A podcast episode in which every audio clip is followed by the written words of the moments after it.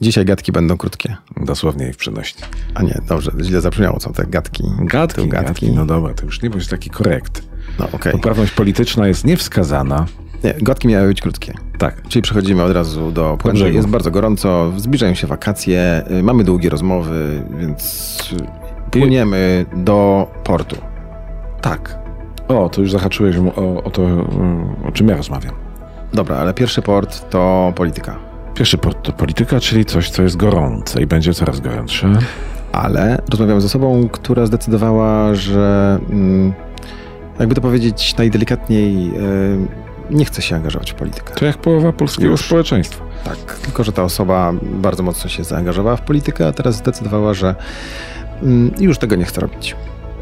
Czyli tej osobie już dziękujemy, ale ma coś ciekawego do powiedzenia. Jeszcze trochę. Dobrze. Jeszcze trochę, ale pytamy o to, dlaczego ta pani, bo myślę, że możemy o tym powiedzieć już teraz, że to pani rezygnuje z dłużej warszawskiej polityki.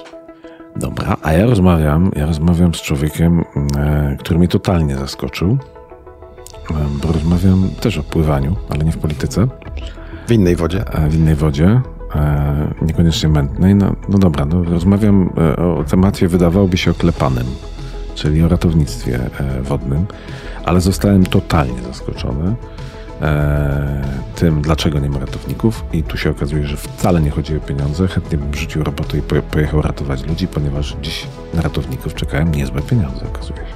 Mówimy ile? Nie, niech się ludzie dowiedzą z rozmowy. Ale w rozmowie to jest. W rozmowie to jest. Uważam, że to są niezłe pieniądze e, i naprawdę w Poznaniu dla młodego człowieka, zresztą dla wielu starszych też, ciężko o pracę, Lepsze. e, gdzie jeszcze dochodzi zakwaterowanie, wyżywienie i tak dalej. No taka trochę sezonowa ta praca. Dobra praca sezonowa, ale niewiele jest prac sezonowych, które e, oferują jeszcze możliwość opalenia się, tak? X pieniędzy. X pieniędzy. Dowiemy się za chwilę. A trzecia rozmowa mm, nie jest o wakacjach, nie jest o polityce, nie jest o wodzie, jest o czymś, o czym rzadko się rozmawia, raczej się to ogląda albo się po prostu nosi, jest rozmowa o zegarkach. O czasie chciałem powiedzieć. O czasie. Wszystkich nas dotyczy. czasie, zegarkach, y, o tym wszystkim, co jest związane z tym, co nosimy na, na ręce. Rozmawiamy z zegar, rozmawiam z zegarmistrzem. Zegarmistrzem od trzech pokoleń, który naprawia zegarki przeróżnej, e, przeróżnych marek, przeróżnej, przeróżnej cenie i mówi też, jak długo na przykład czeka się na naprawę w tej chwili zegarka, a no, myślałem, że krócej. A, właśnie, bo, a on naprawia mechaniczne, prawda? Czy Tak, elektronika bo myślę, też? że elektronika jest nienaprawialna. No właśnie. A elektronika, właściwie jak sobie spojrzysz na męskie ręce, to wyparła wszystko inne, prawie. U niektórych wyparła, u niektórych nie wyparła, o tym też rozmawiamy. Jest przywiązanie pewne, nie? Rozmawiamy też o tym, zaczęliśmy o tym rozmowę, mm, jakie zegarki królują w debacie publicznej, jeżeli w ogóle można mówić o debacie publicznej w kwestii zegarków. Są dwa rodzaje i, i tak chyba jest, że te dwa rodzaje będą i były i Prawdziwy mężczyzna musi mieć oba rodzaje. Tak, na jednej ręce jeden, na drugiej ręce drugi. Dobra, dobra. Każdy spełnia inną funkcję. Zegarki nosi się na zmianę. Dobra, dopłynęliśmy do portu jednego, drugiego, Słuchajcie, trzeciego. po, o, ludzie, słuchajcie nas po prostu, tak? Słuchajcie nas, 17 odcinek podcastu poznańskiego, druga wersja. Zaczynamy. Zap- Zapraszamy.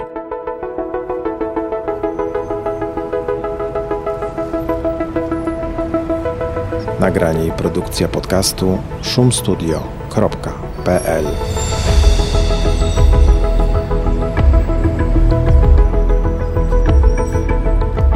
W pierwszej rozmowie gościem, a właściwie gościnią e, Michała Czajki jest e, pani Joanna Jaśkowiak. Pani Joanna Jaśkowiak, która chyba zaskoczyła wszystkich ostatnią deklaracją, e, że nie będzie już kandydować do, do parlamentu i kończy z tą wielką warszawską polityką. Zapytam ją też, czy w ogóle kończy z polityką. Tego wszystkiego dowiecie się z wywiadu, rozmawialiśmy długo. Myślę, że pani, e, pani poseł Joanna Jaśkowiak jest rozczarowana tym, co widziała w Warszawie. No to my też. Ona może zrezygnować, My się my nie bardzo. rozczarowujemy co, co, codziennie. To co, zapraszamy na rozmowę. Zapraszamy. Dlaczego nie została pani posłanką zawodową, jak 80 parę procent y, ludzi, którzy pracują w polskim parlamencie? Ja jestem świeża w polityce, jestem napływowym elementem, nie jestem wychowanką żadnej z partii politycznych. I pewnie, pewnie dlatego cenię. Ale 80%. Cenię sobie to, że mam do czego wrócić. Więc e, to daje mi też dużo szerszą perspektywę i też dużo większe pole manewru. No tak, ale to nie jest trochę tak, że jeżeli pani zostawia sobie tą furtkę, która rzeczywiście daje jakąś elastyczność i możliwość powrotu, no to nie ma pani takiej możliwości poświęcenia całego swojego czasu dla parlamentu. I tak, i nie. Jakiś czas można pracować na dwa etaty, dwa etaty i myślę, że nie jest to coś, co jest obce wielu ludziom w tym kraju. E, można z, przy, dobrym, przy dobrej organizacji pracy można to ze spokojem pogodzić. W kancelarii mam swoją zastępczynię, także nie jest tak, że muszę być tam fizycznie cały czas non-stop.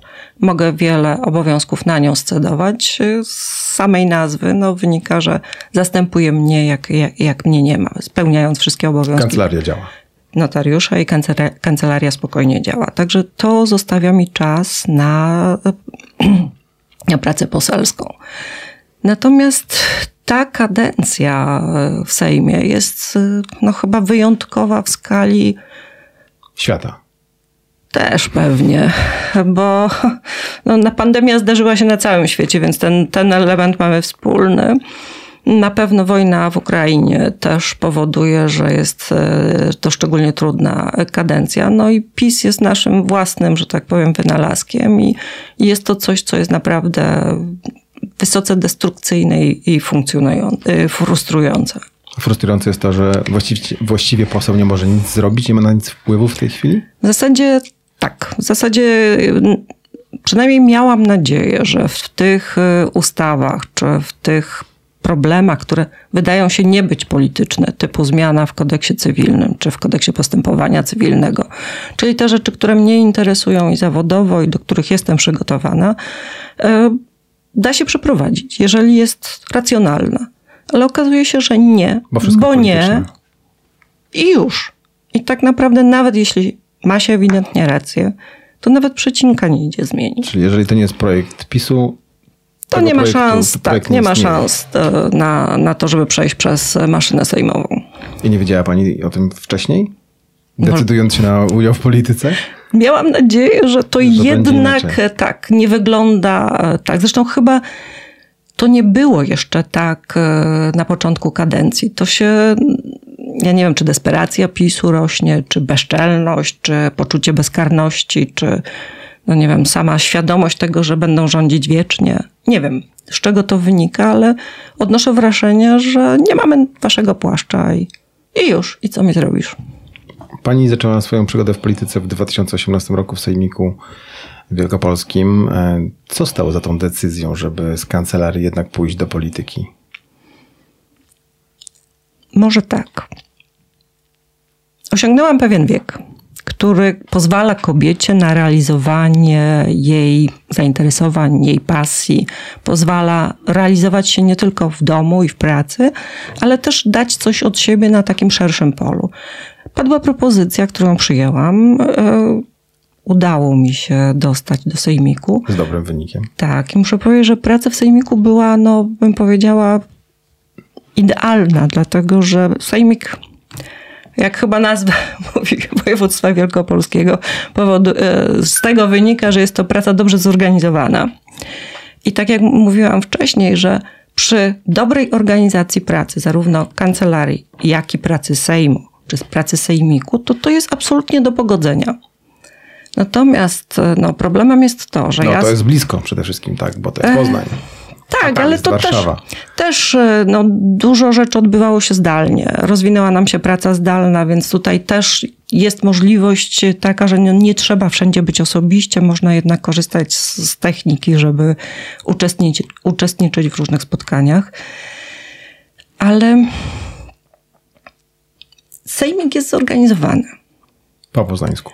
Dokładnie. Po tak, tak, po prostu po poznańsku. Wiadomo, kiedy będą posiedzenia e, plenarne, wiadomo, kiedy są komisje, wiadomo praktycznie rok naprzód, czym się te komisje będą e, zajmowały. Także no, jest możliwość, żeby się przygotować nie tylko w momencie, kiedy jest czy posiedzenie komisji, ale można się przygotować wcześniej.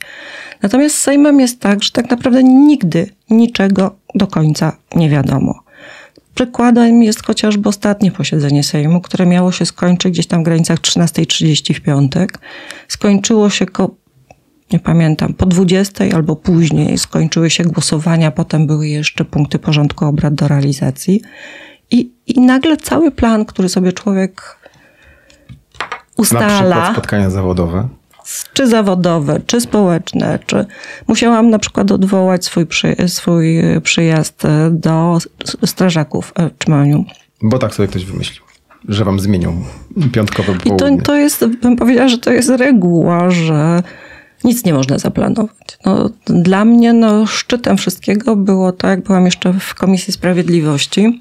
Zwołano ją oczywiście nagle poza regulaminem i tak e, prze, przełożyłam wszystkie swoje e, zawodowe spotkania. Siadłam w samolocie szczęśliwa, że wszystkiego udało mi się dopilnować i właśnie dostałam SMS-a, że komisję odwołano. No tak nie można. Tak nie można. To jest lekceważące dla, dla, dla posła również. No bo, a wynika, nie wiem, tak naprawdę nie wiem, z czego wynika. I po tych pięciu latach e, w polityce jest pani zdegustowana, zniesmaczona, zmęczona?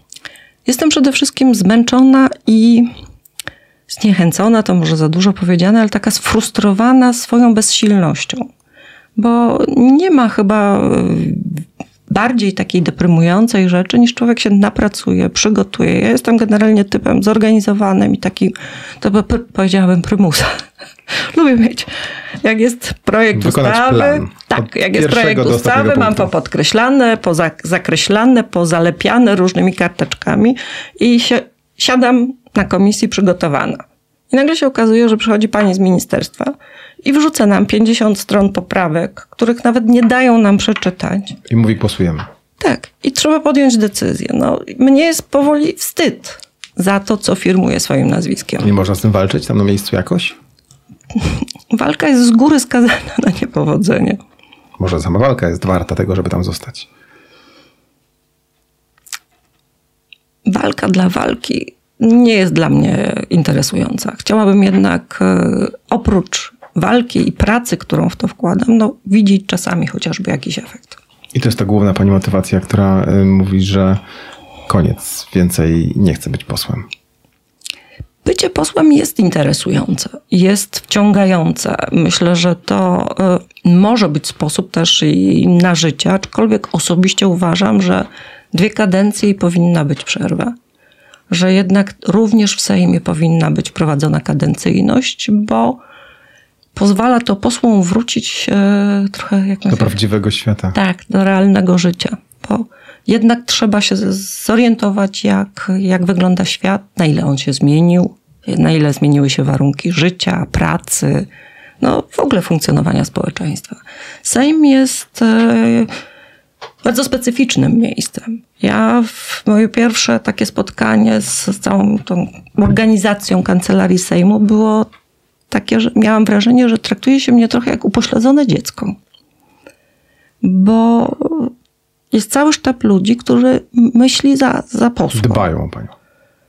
Tak, ale w sposób taki, który, no, tak jak mówię, no, trak- poczułam się może to 80 parę procent, procent posłów zawodowych wymaga tego, żeby, żeby się nimi opiekować właśnie. Nie wiem, ja jestem przyzwyczajona do tego, żeby wiele spraw, e, jestem decyzyjna, jestem przyzwyczajona do tego, żeby wiele spraw załatwiać e, samodzielnie. No, inaczej nie, nie funkcjonowałabym e, na rynku tak długo, prowadząc swoją, swoją działalność. I, i, i to zderzenie z tym, że łącznie z drukiem wizytówek ktoś załatwia za mnie, było dla mnie no jakoś tak szokujące, bo to rodzi też pytania o sposób e, funkcjonowania kancelarii Sejmu. No się okazuje, że ta można byłoby zreorganizować i Niepotrzebne No, ale- byłoby wcale taki tłum ludzi siedzących tam w tych pokojach. Z drugiej strony to, to tłumaczy rosną, rosnące koszty obsługi i kancelarii Sejmu, i kancelarii premiera, i wszystkich ministerstw. Tak? No, Ja myślę, że koszty akurat kancelarii premiera to rosną z innych powodów, aniżeli pa, panie. Stówek. Tak, dru- i, i praca pań, pań w kancelarii. A było coś takiego, co pani się podobało w polityce, w Sejmie?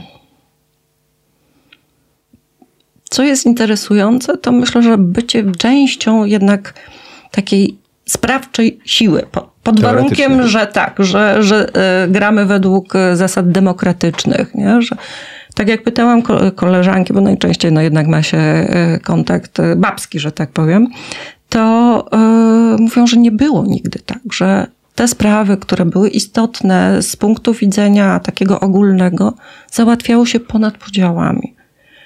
I tak powinno być. Natomiast no, zaw- zawłaszczono w jakiś sposób no, dobro wspólne. Trochę, trochę się udaje też odzyskiwać i barwy narodowe, i pojęcie czy polskości, czy narodu.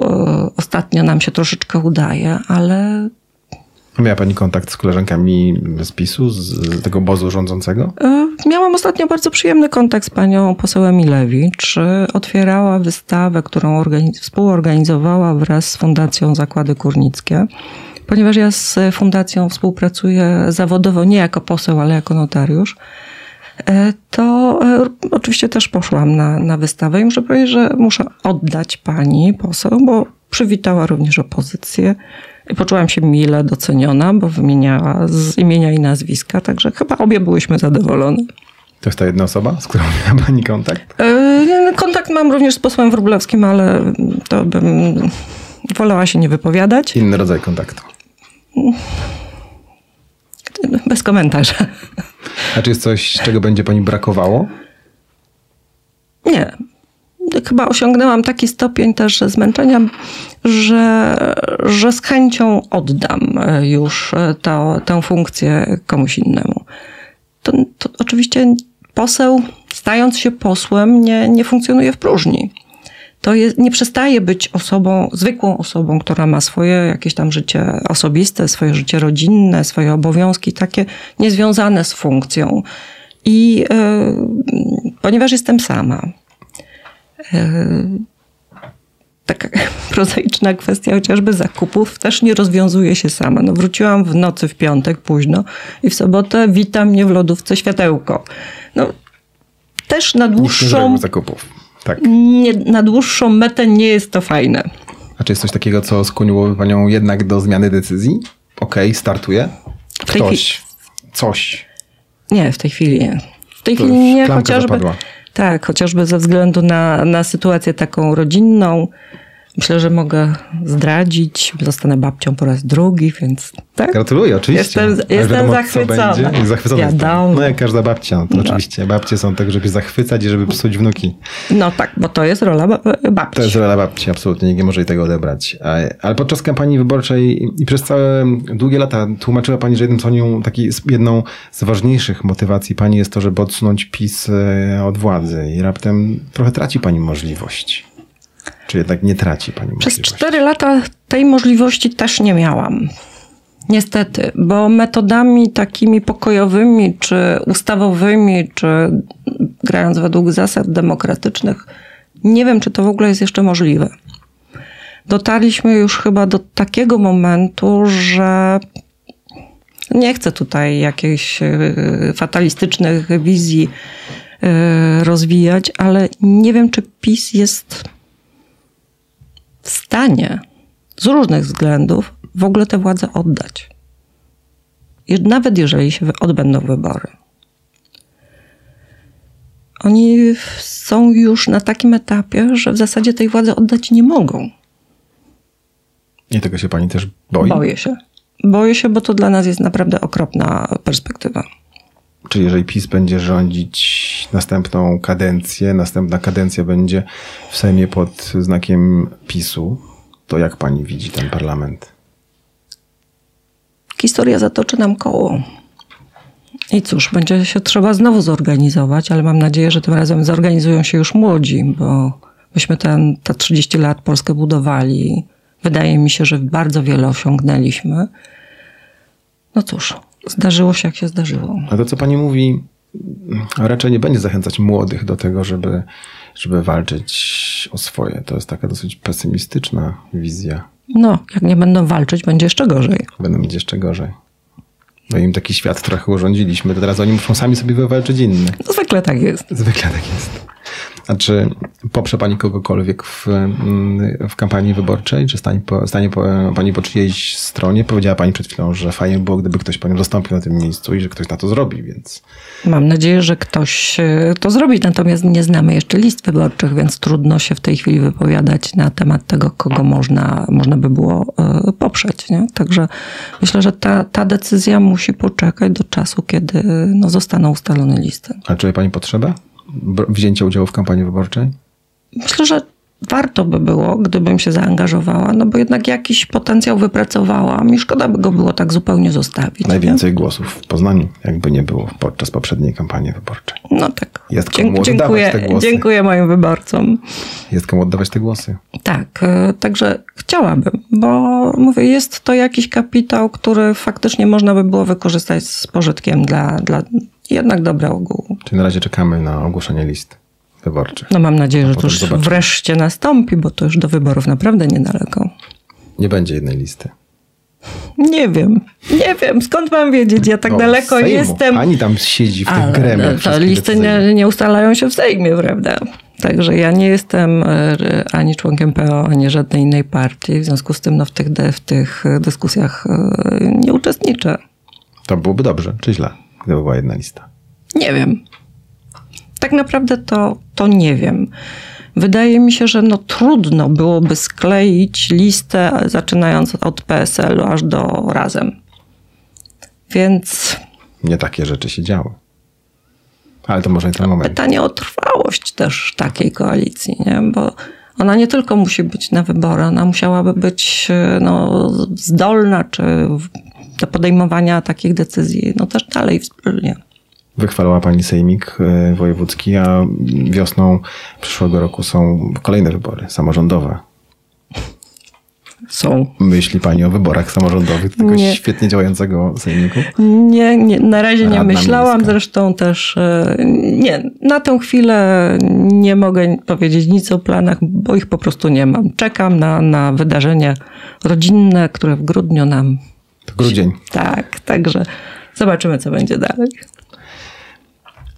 Poznań, mam wrażenie, cierpiał od lat właściwie. Cierpi przez cały czas na, na, na taki wielki brak polityków pierwszoligowych. Dlaczego tak się dzieje, że, że tak mało ludzi z Poznania jest we władzach przeróżnych, tych centralnych? Ma pani teorię? Mam swoją bardzo prywatną teorię. Ja mam wrażenie, że Warszawa, Warszawie wydaje się, że my jesteśmy już za granicą. Ale jest Opole, które ma bardzo mocną reprezentację. Gdańsk, który ma świetną reprezentację. Szczecin. Że jesteśmy za granicą, to raz. I że sobie zawsze sami poradzimy, w związku z tym nami się zajmować nie trzeba. Ale co, nie można walczyć? No, walczyć zawsze można. natomiast, natomiast, żeby walczyć, e, e, też trzeba by jednak e, no, przynależeć do, do grupy. Grupa e, no, daje siłę jednak, daje wsparcie e, i myślę, że w naszym systemie brak przynależności do, do partii bardzo jednak osłabia możliwość i działania, i funkcjonowania, i no, załatwienia to nie jest dobre słowo, no ale w ogóle pracy. Jesteśmy jedynym narodem, który załatwia wszystko. Chyba no to gdzieś widziałem takiego mema, takie... że żaden, w żadnym języku nie ma słowa załatwiać, tylko w polskim jest właśnie. No, my tu jesteśmy mistrzami. To są zaszłości pewne. Chyba. Zaszłości może nie, może po prostu nasza natura. A dało się odczuć to, że pani nie jest y, członkiem partii, tak na co dzień w Sejmie? Tak. A w jaki sposób? Decyzje zapadały gdzieś obok? E, razy, że decyzje zapadają też trochę obok, to, to jest powiedzmy in minus. Natomiast plusem jest to, że mam komfort powiedzenia tego, co myślę. Niekoniecznie się to musi podobać e, e, innym. Mam możliwość też ustosunkowania się czy, czy przedstawienia propozycji, jak moim zdaniem pewne rzeczy powinny przebiegać. Czy to będzie wysłuchane, to znaczy wysłuchane jest, czy jakoś będzie wykorzystane, to, to już jest osobna historia. Ta sprawczość jednak jest mniejsza niż Tak. takiego posła. Posła niezrzeszonego jest tak zdecydowanie mniejsza. To czyli mm, mamy nie głosować na tych posłów niepartyjnych, bo oni mogą mniej? Nie, to też, też nie tak. To może też zależeć od, e, no, nie wiem, przebojowości danej osoby, od e, Ale przebojowość ambicji, kontra. okej, ale przebojowość które, kontra które machina. przejawi. No. E, Przebojować kontra machina partyjna, no to jednak chyba jest takie starcie trochę Dawida z Goliatem jednak mimo wszystko. Łatwiej na pewno jest, jeżeli się jest e, członkiem partii. Zapytam w takim razie o Poznań. Trochę z innej zupełnie Mhm. bajki. Jak pani się żyje w Poznaniu? To jest najpiękniejsze miasto na A, świecie. wiemy. Oprócz rynku i centrum obecnie. Powiedzmy tak, że no, rynek jakoś omijam, w związku z tym mi nie dolega. Przejechałam dzisiaj Alejami Marcinkowskiego i mówię, że kurczę, całkiem fajnie wygląda, bo już ten, ten kawałek akurat jest e, zrobiony. Z niepokojem spojrzałam tylko na trzy dęby, które jednak podeschły przy, te, przy tej suszy. No pewnie nie jest to nic dziwnego. Ale no, ostatnie lata widzę, że Poznań się zmienia. Na dobre. Moim zdaniem na dobre. Yy, Mnóstwo rzeczy, jeżeli chodzi o transport taki publiczny, zostało zrobionych. Mnóstwo remontów torów, torowisk, całych linii tramwajowych. jeździ pani tramwajem? Jeżdżę. Mieszkam w tej chwili na Jeżycach, więc gdyby nie to, że muszę do pracy jednak dojechać poza miasto, w zasadzie samochód nie byłby mi e, potrzebny. Jest możliwość podjechania rowerem, tramwajem czy autobusem. No a poza tym przypomniałam sobie też, do czego służą nogi. Także No, na Jeżycach jest gdzie chodzić, tak, blisko. i chodzi się pięknie, różne w różnych, do różnych pięknych miejsc. I, także można, można i, i to wykorzystać. A ten kierunek, w jakim miasto prowadzi prezydent Jacek Jaśkowiak, to jest tym kierunkiem, w którym to miasto powinno iść, nasze miasto? Mnie się podoba. Cokolwiek bym, prawda, to panu prezydencie osobiście e, nie miała do powiedzenia, to jako prezydenta, e, e, czy działania jego jako prezydenta oceniam pozytywnie. Moim zdaniem miasto się mocno zmieniło, również wers- w takiej sferze mentalnej. Stało się bardziej otwarte. Wbrew temu, co się tak powszechnie mówi, jest w nim całkiem dużo zieleni. Wiadomo, że na głównych A mówi się różne rzeczy. Tak, ale- głównych traktach tej zieleni nie będzie. Byłam właśnie w Maladze i, no, i tam te, tej zieleni takiej ulicznej też no, trudno czasami jej się doszukać. Ale ogólny kierunek zmian mi się podoba.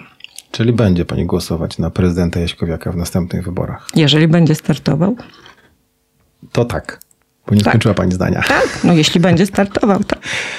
Bardzo pani dziękuję za rozmowę. Moją gościnią była pani Joanna Jaśkowiak, notariuszka i jeszcze posłanka na Sejm dziewiątej kadencji. Dziękuję pani bardzo. Dziękuję bardzo. Zupełnie zmieniamy temat. Chociaż jak Leszek wspominał, y, również będzie związany z pływaniem w wodzie, może trochę mniej mętnej niż warszawska polityka, chociaż są różne jeziora i różne morza. No dobrze, no to do brzegu chciałem powiedzieć, a to rzeczywiście będzie rozmowa o tym, jak dopłynąć do brzegu często. Rozmawiam z Filipem Orłowskim, e, instruktorem ratownika, ratownictwa, ratownikiem, człowiekiem, który organizuje ratownictwo nad wodą i uczy tego ratownictwa. I tak jak mówiłem, zaskoczył mnie. Zaskoczył mnie w kilku miejscach, bo rozmawiamy nie tylko o tym, ilu ludzi można uratować, jak uratować, jak się nie utopić, E, ale rozmawiamy o tym też, jak się bardzo ratownictwo zmieniło, e, jaka to jest praca i dlaczego z nim są takie problemy. I naprawdę byłem zaskakiwany, bo e, rozmawiamy o pieniądzach i pieniądze okazują się wcale nie są problemem dzisiaj. A jak się okazuje, problemem jest również złapanie ratownika e, i zaproszenie go do studia. Tak, Bo rozmawiasz z, e, od nas ze studia z człowiekiem, który siedzi w samochodzie i jedzie I tak właściwie przez ostatnie dwa dni umawiając. na Mazury. Tak. Nie skończyłeś. I No jeździ, jeździ na te Mazury, Jeździ. bo zwozi sprzęt, zwozi ludzi wyposażony, tam się zaczyna sezon. E, Tutaj zresztą też się zaczyna sezon, ale tam tych jezior i miejsc, które trzeba obstawić jest zdecydowanie więcej. No to już wystarczy. To już wystarczy. Posłuchajmy. Zapraszamy. To rozmowa nie tylko dla ratowników, ale również dla wszystkich tych, którzy zamierz- zamierzają nad wodą wypoczywać. Rozmawiam chyba dzisiaj z e, człowiekiem, który należy do zawodu, jaki latem zaczyna być najbardziej zapracowany, prawda? Zgadza się, jest to okres y, tym bardziej trudny przed samym sezonem, przed samym startem, organizacyjnie, logistycznie i to jest zdecydowanie najwięcej pracy w tym momencie. E, pan jest teraz na Mazurach. To jest najbardziej obsadzony e, ratownikami region Polski? Chyba nie. Nie wydaje mi się, żeby Mazury. E, mylimy chyba to trochę w tej ilości wody, która tutaj jest, ale jeśli chodzi o liczbę kąpielisk, Mazury chyba nie mają takiej liczebności, która by definiowała najbardziej bezpieczny pod kątem naszego zawodu. E, oczywiście są strzeżone kąpieliska, ale, ale myślę, że jest zdecydowanie, jest zdecydowanie więcej miejsca dla ratowników na kąpieliskach morskich i tam mocno szukamy swojej pracy i swojego miejsca. A gdzie jest bezpieczniej? Tak dla człowieka, który e, nie jest ratownikiem, tylko, że tak powiem, klientem ratownika. No, przede wszystkim bezpiecznie jest tam, gdzie ci ratownicy są, więc e, uważam, że e, nasze prac, nasza praca i nasze działania są mocno podyktowane tym, żeby ludzi przyciągać w miejsca strzeżone, czyli tam, gdzie tych ratowników spotkamy, więc e, trochę ludzi E, zachęcamy do podjęcia wysiłku, sprawdzenia miejsca, w którym ratownicy pracują. Są kąpieliska i jest, jest ta strefa, która, e, w której są ratownicy i oni mogą rzeczywiście e, pomóc, więc to jest jakby największa potrzeba w danym momencie, czyli żebyśmy jako ludzie wybierali miejsca strzeżone, a nie próbowali na własną rękę szukać E, miejsca nie do końca strzeżonego, nie do końca przygotowanego i bezpiecznego. Bo każdy myśli, że umie pływać.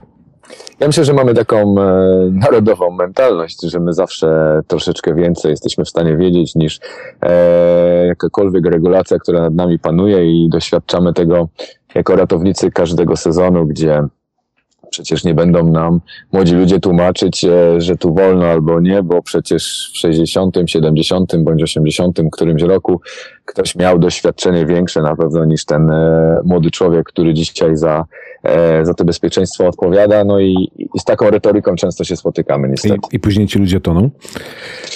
Zdarza się bardzo często, dochodzi do wypadków i tak naprawdę ja osobiście robiąc to tyle lat y, i, i, i działając teraz już pod kątem y, bezpieczeństwa w formie takiego nadzoru organizacyjnego i, i, budowania tej przestrzeni, w której ci nasi ratownicy pod nami są szkoleni i pracują, ja wywróciłbym cały system, jeśli chodzi o bezpieczeństwo w Polsce. E, może to mówię na przekór, ale wydaje mi się, że te strzeżone sektory nie do końca mają zastosowanie. Wydaje mi się, że grupy interwencyjne działające w pewnym pasie, e, zgrane ze sprzętem, będą bardziej pożyteczne i skuteczne tak naprawdę w, w działaniu, bo tak jak patrzymy na statystyki, ludzie toną w miejscach niestrzeżonych i bardzo często E, do wypadków dochodzi, mówiąc e, na przykładzie kąpielisk morskich, właśnie w miejscach, których ratowników nie ma, e, bo na przykład warunki, na to nie, warunki nie pozwalają na to, żeby otworzyć kąpielisko, jest flaga czerwona w miejscu strzeżonym, czyli na miejscu niestrzeżonym można zrobić wszystko, no i tam dochodzi do różnego rodzaju zdarzeń. E, i wypadków. No i te statystyki niestety w Polsce są cały czas trudne, bo no. cały czas oscylujemy około 500 e, utonięć w ciągu roku. To chyba trochę o liczbach porozmawiamy. A ma pan swoją własną statystykę, ile pan osób uratował? E, ja robię statystyki z uwagi na to, że Ministerstwo Spraw Wewnętrznych na nas e, takie, taki obowiązek też e, nakłada, czyli informacja dotycząca tych miejsc, w których my odpowiadamy jako podmiot uprawniony do wykonywania ratownictwa wodnego, bo od 2012 roku E, zmieniło się trochę w polskim ratownictwie. E, do tej, dotychczas e, był jeden podmiot Wodno-Ochotnicze Pogodowie Ratunkowe. Od tego 12 roku ten rynek został otwarty i tych podmiotów na dzień dzisiejszy, które zajmują się ratownictwem wodnym w Polsce jest około stu kilkunastu. I te podmioty biorą na siebie odpowiedzialność w różnych obszarach kraju, na różnych kąpieliskach, pływalniach, jeziorach, etc., tam gdzie wygrywają przetargi, gdzie pomagają gminom w taki mm, sposób Ratowanie no to działalność komercyjna trochę.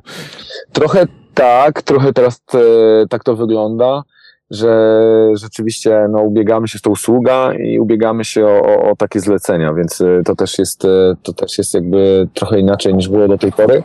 W każdym razie rzeczywiście... A kto wam za to płaci, tak z ciekawości? No przede wszystkim gminy, no bo gminy są przede wszystkim odpowiedzialne za ustawowo za bezpieczeństwo w swoim terenie, więc gminy mają dwie drogi, albo mogą zatrudniać ratowników indywidualnie, czyli wziąć na siebie odpowiedzialność, chociaż e, ja z doświadczenia i, i, i bliscy moi instruktorzy i, i też radcy prawni, którzy w, w temacie ratownictwa mogą powiedzieć zdecydowanie więcej. Jesteśmy i uważamy, że powinny to robić właśnie tylko i wyłącznie podmioty uprawnione do wykonywania ratownictwa wodnego, bo tak naprawdę no, powinniśmy zawierzać specjalistom i do tego, do tego idziemy, w tym kierunku powinniśmy się e, chylić, że nie pani, nie, umniejszając pani e, w gminie, która zajmuje się oczyszczaniem, kulturą, e, tańcami i dostaje jeszcze pod siebie ratownictwo i ona ma zapewnić e, to z głową e, w taki sposób, żeby tylko tych ratowników w jakiś tam sposób zatrudnić. To nie jest wszystko. Trzeba wyznaczyć miejsca, trzeba wyznaczyć strefy bezpieczne, trzeba napisać analizę zagrożeń, trzeba stworzyć do tego procedury, przygotować to w sposób należycie e, poprawny i to, to wszystko uważam, że to powinno być w gestii podmiotów uprawnionych. Nie do końca tak jest, natomiast ustawodawca pozostawił taką lukę, że albo gmina sama, albo zleca to, to... podmiotom, więc odpowiadając już precyzyjnie, te dwa kierunki dla gminy są możliwe. Dobra, zostawmy gminy.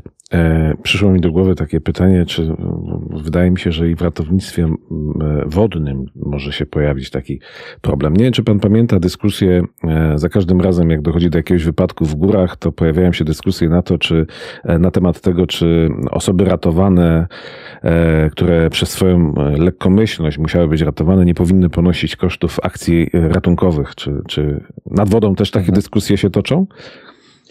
E, no rzeczywiście, rzeczywiście taka dyskusja pojawia się w, w tej przestrzeni górskiej, bo też mamy do czynienia z goprowcami, mamy wspólne szkolenia, jesteśmy też w jakimś tam stopniu e, zaznajomieni. Natomiast no, w ratownictwie e, wydaje mi się, że no, tych kosztów może nie jest tak e, dużo jak e, w górskim, no bo to jednak jest specjalistyczne ratownictwo i trochę wygląda to inaczej. No, śmigłowców, na... śmigłowców nie używacie na co? Ale no właśnie powiem szczerze, dzisiaj lotnicze pogotowie ratunkowe i jest obszarowo przede wszystkim związane z wypadkami na kąpieliskach morskich, więc częściej spotykamy LPR na plaży niż zespół ratownictwa medycznego lądowy, więc no ktoś za to finalnie płaci. Więc e, też trzeba sobie zadać pytanie, jakie to są realne koszty e, takich akcji, robiąc e, statystykę policyjną. Wydaje mi się, że to też jest ciekawy temat do podjęcia, ile to kosztuje.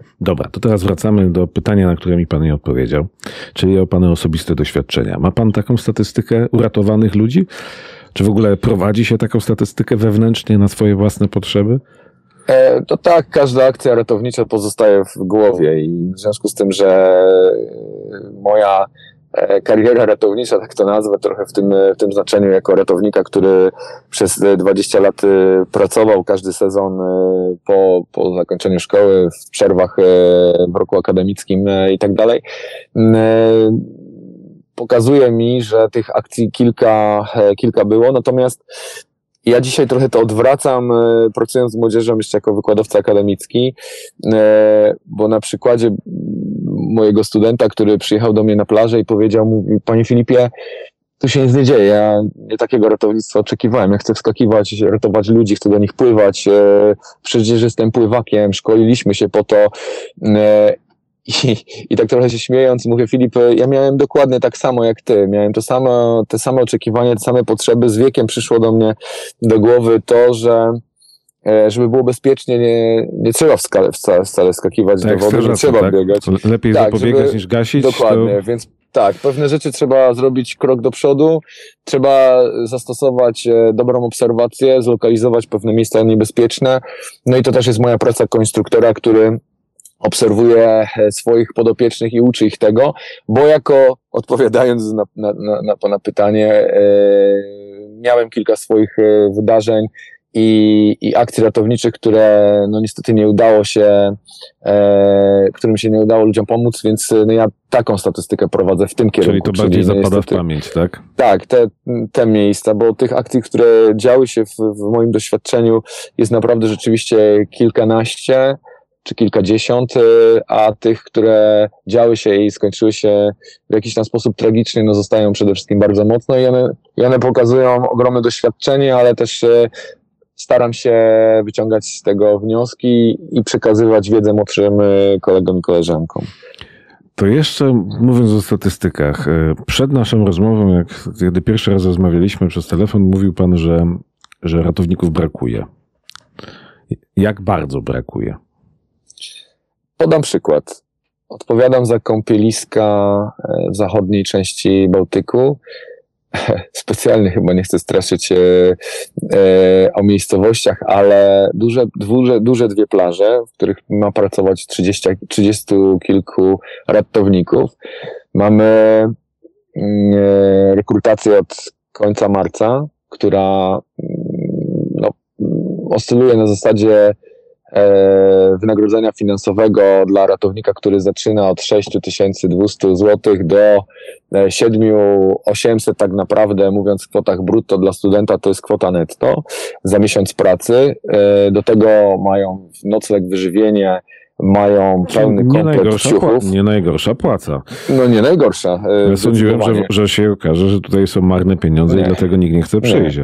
Nie, nie, nie, nie. nie. Właśnie, hmm. właśnie chcę pokazać e, inną przyczynę i tak jak e, ja ją czytam e, osobiście, więc jakby warunki zmieniły się bardzo i trzeba powiedzieć, że przez te ostatnie kilka lat e, rzeczywiście no, ratownicy nie, nie mogą narzekać, uważam, na to, że mało zarabiają. Oczywiście to jest e, szalenie odpowiedzialna praca i powinno się za nią e, też odpowiednio płacić, zgadzam się, e, ale my jako pracodawcy i podmioty, które definiują się i odpowiadają za bezpieczeństwo, staramy się tym ratownikom uchylić nieba na zasadzie sprzętowego przygotowania, czyli na naszych plażach są skutery wodne z platformami, e, łodzie, kład, drony, do poszukiwań, więc jeśli chodzi o to techniczne zaplecze, jest e, to naprawdę rzeczywiście przygotowanie top, którego mi brakowało w latach końcówki 90. i początek 2000, jak sam byłem na plaży, bo, bo nic nie miałem, absolutnie nic nie miałem.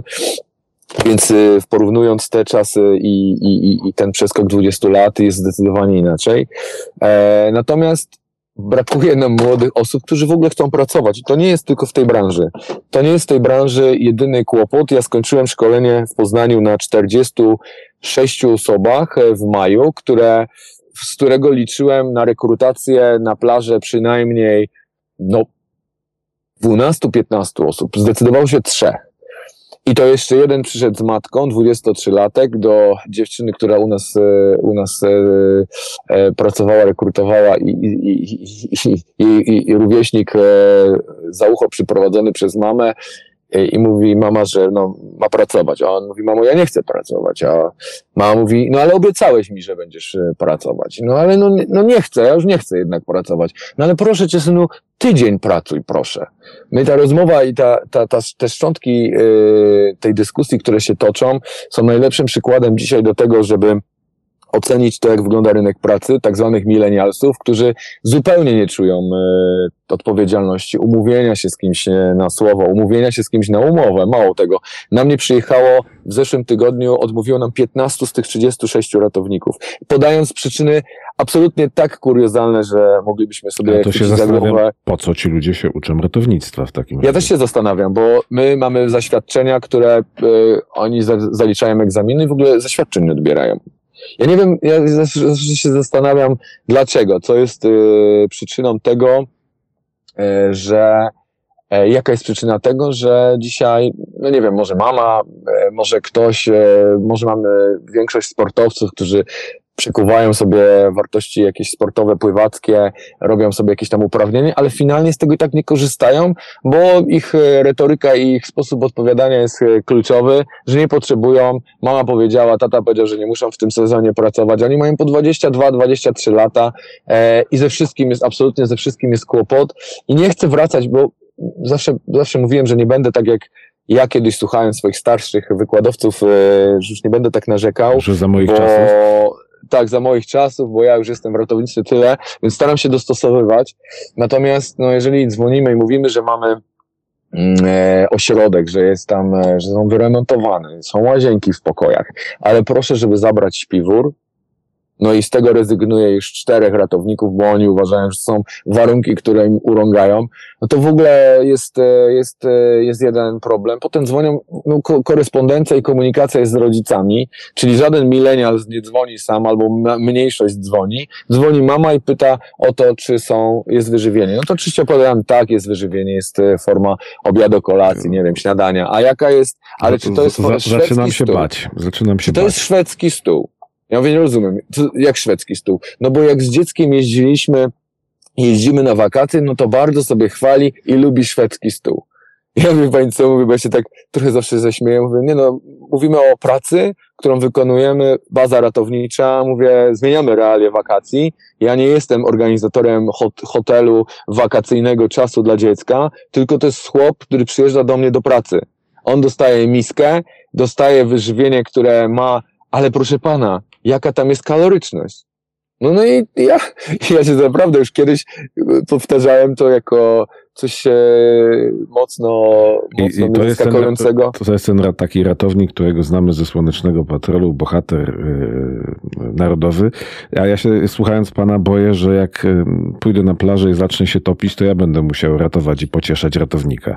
No to, no to powiem, no to powiem tak, ja też się boję i coraz bardziej i nawet powiem coś bardzo refleksyjnego po ostatnim czasie i pewnie to też w moim e, obszarze działania będzie ewaluować, z uwagi na to, że się po prostu boję robić ratownictwa wodnego, patrząc z takiej przestrzeni mojej odpowiedzialności, mojego plecaka, który ja noszę, bo przychodzą do mnie y, ludzie, którzy, no inaczej, y, jak ktoś do mnie dzwoni i zadaje mi pytanie, nie mówi dzień dobry Jan Kowalski, dzień dobry, czy ma pan chwilę, czy ja mógłbym, bo zrobiłem uprawnienie. Dzwoni do mnie i mówi tak, jaka stawka? A ja mówię, minimalna. A dlaczego? Ja mówię, bo mi się pan przedstawił. No ale się przecież nie przedstawiłem. Ja mówię, no właśnie dlatego. To ja nic nie rozumiem. A ja mówię, a ja wszystko rozumiem, to dziękuję. I, e, i mamy taką, e, i mamy często takie telefony, a jak już e, ktoś do mnie zacznie rozmawiać, ja mówię, wie pan co, wie pani co, ja, za, ja zapraszam do mnie, a jakie ma pani oczekiwania finansowe? No ja chciałabym, chciałbym zarabiać 30 zł na godzinę. Dobra, mówię, nie ma problemu, przyjedźmy na kąpielisko morskie, ja chciałbym z Państwem e, odbyć taki, taki krótki test, e, który mi pokaże i pozwoli na to, żeby ocenić Państwa sprawność, no bo tych, których nie znam, przyjeżdżają do mnie z Polski. Ja mam 41 lat, Jestem aktywnym dalej sportowcem, robię wszystkie ćwiczenia razem z moimi ratownikami na każdej zaprawie. Nawet nie nazywam tego już zaprawą, tylko e, rozruchem porannym, żeby milenialsów nie urazić e, i nie przestraszyć. I to mówię bardzo poważnie. Więc e, po rozruchu porannym, gdzie biegniemy 4 kilometry po plaży z przerwami, na których trzeba zrobić pompki, jakieś e, padnij powstań i, i przysiady, e, trzech mi czy czterech nie dobiega, Kalender, ja myślałem, że jestem w kiepskiej formie fizycznej, dałbym radę. Boję się ich wpuszczać do wody na drugi etap, no i siadam z nimi później do stołu, mówię, no to teraz porozmawiajmy o stawce. Patrząc na to, co ja zobaczyłem, ja wiem, ale niech e, pan, pani mi odpowie, bo ja bym chciał to usłyszeć od, od was. Ale ja nie mam na to czasu, żeby robić to, to z każdym i w taki, w taki sposób. Natomiast pokazuję i mówię tylko o tym, że e, no jesteśmy naprawdę, ja, ja pokazuję przykład grupy zawodowej, czyli takiej sezonowo-zawodowej, która będzie się borykać e, z ogromnym kłopotem rekrutacji i nie ma tutaj absolutnie e, zważenia na kasę, bo kasa nie jest najważniejsza. Ale to jest problem, przyznam panu szczerze, z który już w kilku naszych rozmowach w podcaście się pojawił. E, mhm. Właśnie dotyczący tego pokolenia, więc chyba będziemy musieli kiedyś zrobić odcinek o problemach pokolenia Z, jak to się je nazywa. Ale, Późnego Z. Ale, tak. ale zapytam inaczej. A mhm. jest jakiś, jakaś górna granica wieku e, ratowników? Nie, ja zawsze daję szansę. Nigdy nie oceniam, e, nigdy nie oceniam, nie przekreślam osób, które są e, wiekowo dojrzałe. Sprawny 60-latek to... mógłby być ratownikiem? Nie, bo, bo przytomność, hmm. bo ja powiem panu tak uczciwie, e, nie przyda mi się na kąpielisku, na pływalni ratownik, który jest mistrzem Polski w pływaniu, jeżeli on będzie zaabsorbowany czymś zupełnie innym niż e, obserwacją lustra wody, bo zawsze powtarzam, tych, ob, tych obowiązków ratownika jest sporo. Czyli trzeba się oderwać od smartfona. To jest jedna rzecz, bardzo ważna. Natomiast zawsze powtarzam, że proces tonięcia trwa 4 minuty. I mówię, słuchajcie, jeżeli e, możecie być mistrzami pływania, triatlonu, obojętnie czego, ale jeśli wy nie zobaczycie, to nie zareagujecie. Jeśli nie zareagujecie, to jest wtopa. A jeśli wtopa, to wchodzi prokurator i tu są kłopoty. Bo dzisiaj wszyscy pracujemy w HD, e, kamery, które nas e, obserwują i nas e, rejestrują, są bezwzględne i ktoś, kto będzie oceniał rzetelność wykonania naszej roboty, no będzie, będzie zero-jedynkowa. Więc w tej sytuacji no, trzeba być bardzo mocno przygotowanym na działanie, no bo tak naprawdę jako ratownicy wodni musimy też e, posiadać umiejętności kwalifikowanej pierwszej pomocy. To już jest większy zakres niż jakaś tam zwykła pierwsza pomoc.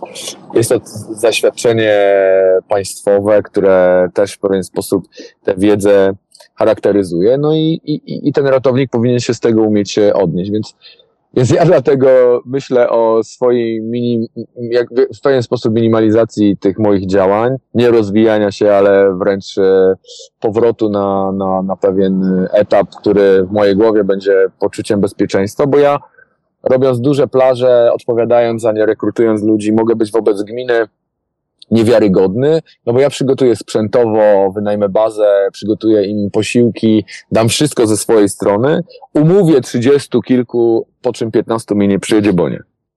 No i to jest moje bezpieczeństwo. Dobra, to ponarzekaliśmy. To teraz, e, no. ponieważ powoli nam się czas kończy, to e, kilka, o kilka porad poproszę. Mówił pan, że proces tonięcia trwa 4 minuty. Raz w życiu widziałem tonącego człowieka, ale później słyszałem, że to jest norma, że ludzie toną w ciszy. Czy to jest prawda?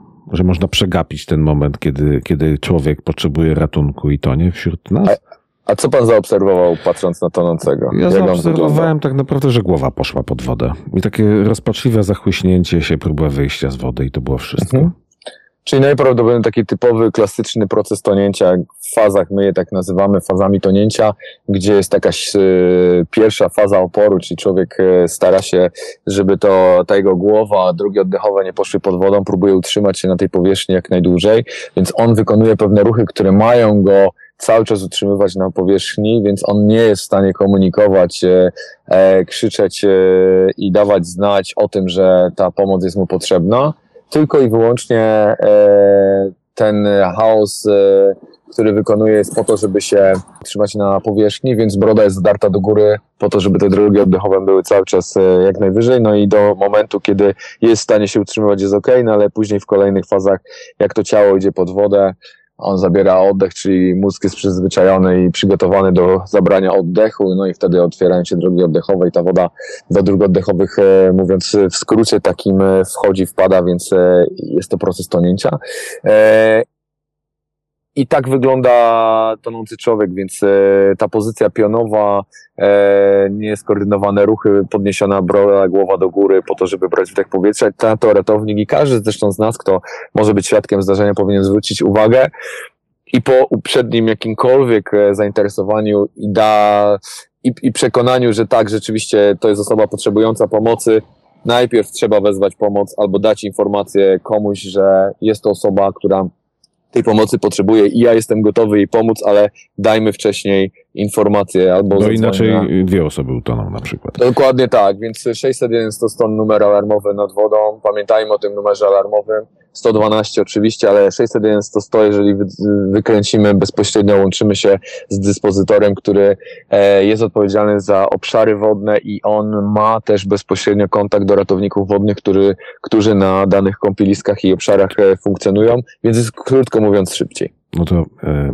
kiedy mogę ratować? Ja wiem, że to tylko teoria i każdy sobie będzie musiał posłuchać, ale czy rzucać się na ratunek, e, jeżeli nie ma nadchodzącej pomocy, a umie się pływać? Czy jak się nie umie pływać, to też się rzucać na ratunek?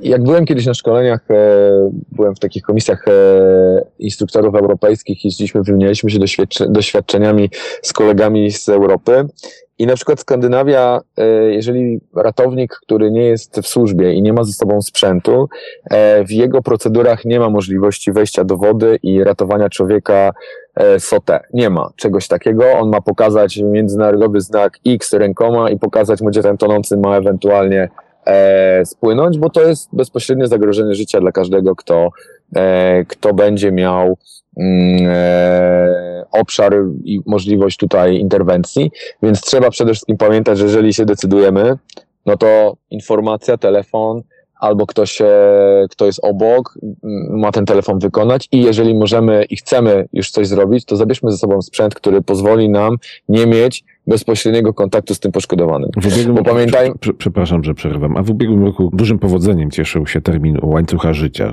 stworzyć łańcuch życia na plaży właśnie ten łańcuch życia nie do końca cieszył się taką, taką okrył się złą sławą, mm. bo przez łańcuch życia e, doszło do kolejnych e, zdarzeń w wodzie. Ludzie w sposób nieskoordynowany, e, w sposób niewyuczony prowadzą na zasadzie ad hoc, e, wchodząc do wody, nie znając e, głębokości warunków e, w wodzie, wchodzą do tej wody, i próbują szukać poszkodowanego, co tak naprawdę z praktyki wiem, że skuteczność jest niewielka. Dlatego my przechodzimy też do systemu obserwacji z, z powietrza, czyli systemy dronowe e, z opcją termowizji, gdzie jesteśmy w stanie bardzo sprawnie tego poszkodowanego znaleźć, więc e, ja nie rekomenduję osobiście łańcuchów życia, lepiej, żeby to e, te, tymi e, działaniami zajął się ratownik, czy jeżeli on będzie definiował e, grupę i ją w jakikolwiek sposób nadzorował, to jeszcze tak, ale nie na zasadzie tego, że jest pospolite ruszenie i robimy po prostu coś, co powoduje, że tych poszkodowanych za chwilę może być więcej. No tak, ale tych ratowników czasami może nie być na miejscu i czekanie na nich trwa długo. Więc mówimy o takich na przykład kąpieliskach. No jeżeli widzimy poszkodowanego, jeżeli ten poszkodowany jest rzeczywiście i możemy wziąć ze sobą jakikolwiek sprzęt pływający, żeby nie wejść w tą strefę mhm. niebezpieczną, bo każdy człowiek będzie chciał, będzie klinczował, będzie robił wdech powietrza, więc jak się znajdziemy przy jego strefie, no to to jest dla nas kłopot. I każdy, kto tak, e, no to może się liczyć z tym, że będzie miał, będzie miał kłopot, dlatego e, trzeba mieć coś, co pozwoli, nie wiem, no tak jak my mamy Pike Pass, Bojkę i jest teraz taki system na kąpieliskach morskich, takich e, stojaków życia to się nazywa i te stojaki życia znajdują się na plaży i tam na tej plaży jest e, albo koło, albo bojka SP, czyli wziąć ten sprzęt, do tego poszkodowanego dopłynąć, podać mu, jak on dotleni sobie mózg, zacznie z nami w sposób komunikatywny e, rozmawiać, to wtedy dopiero e, podejmujemy dalsze czynności ewakuacji z tej wody, e, ale to jest kluczowa rzecz, żeby nie wchodzić w strefę z poszkodowanym bezpośrednio. Dobra, e, to jeszcze jedno pytanie. E, może teoretyczne, ale czy w praktyce są jakieś ćwiczenia, które mogą nam pozwolić, jak przygotować się, jak się zachowywać, gdybyśmy to my tonęli? No, ja uważam, że przede wszystkim powinniśmy w sposób świadomy, świadomy wybierać miejsce, czyli ocenić sobie to, czy będziemy tam bezpieczni, czy nie. Czy nie jesteśmy na żadnej żwirowni, w której uskok e, dna może być e, niespodziewany. Więc to jest jakby pierwsza rzecz. Powinniśmy być absolutnie pewni, że miejsce, do którego wchodzimy, jest miejscem bezpiecznym. To jest, e, to jest pierwsza rzecz, która jest e, w tym takim samoratownictwie potrzebna, żebyśmy mogli sobie wykluczyć e, poważne zagrożenia obszaru wodnego. To jest, to jest jedna rzecz. Jeżeli jesteśmy na wodzie, no to jeżeli czujemy się na siłach i jesteśmy, mm, jesteśmy przygotowani do pływania i chcemy zrobić dystans, chcemy kawałek ze sobą przepłynąć, to słuchajcie, kupujmy te bojki dmuchane, kupujmy coś, co będzie w naszej takiej indywidualnej asekuracji. Nie wstydźmy się. Ja mam wrażenie, że w Polsce jest kłopot z kamizelkami na sprzętach pływających, bo nie wiem, bo wstyd, bo ciepło, bo gorąco.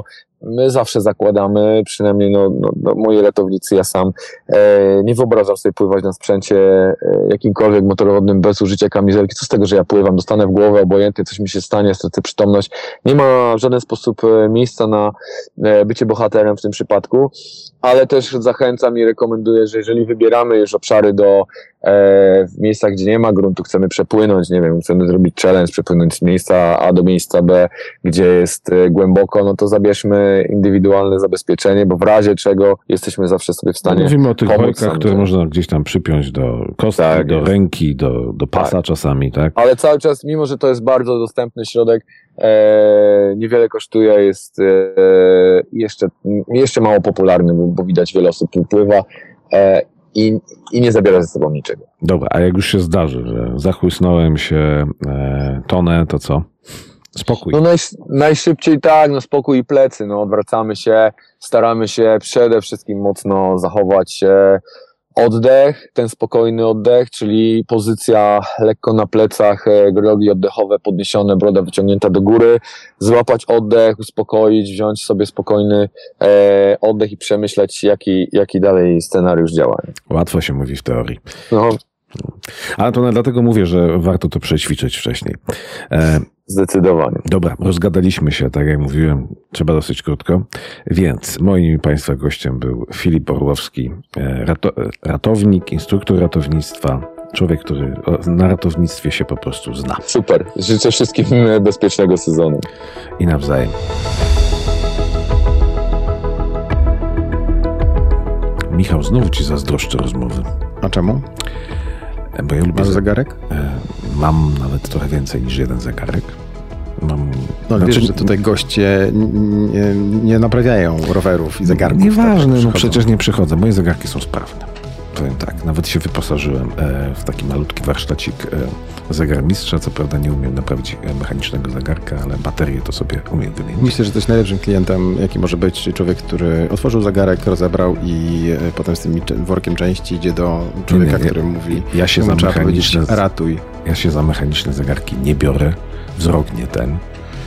E, a zegarków z bateriami nie lubię. Chociaż mam, no bo są praktyczne. Trzeba ruszać ręką dużo, jak ma się mechaniczne.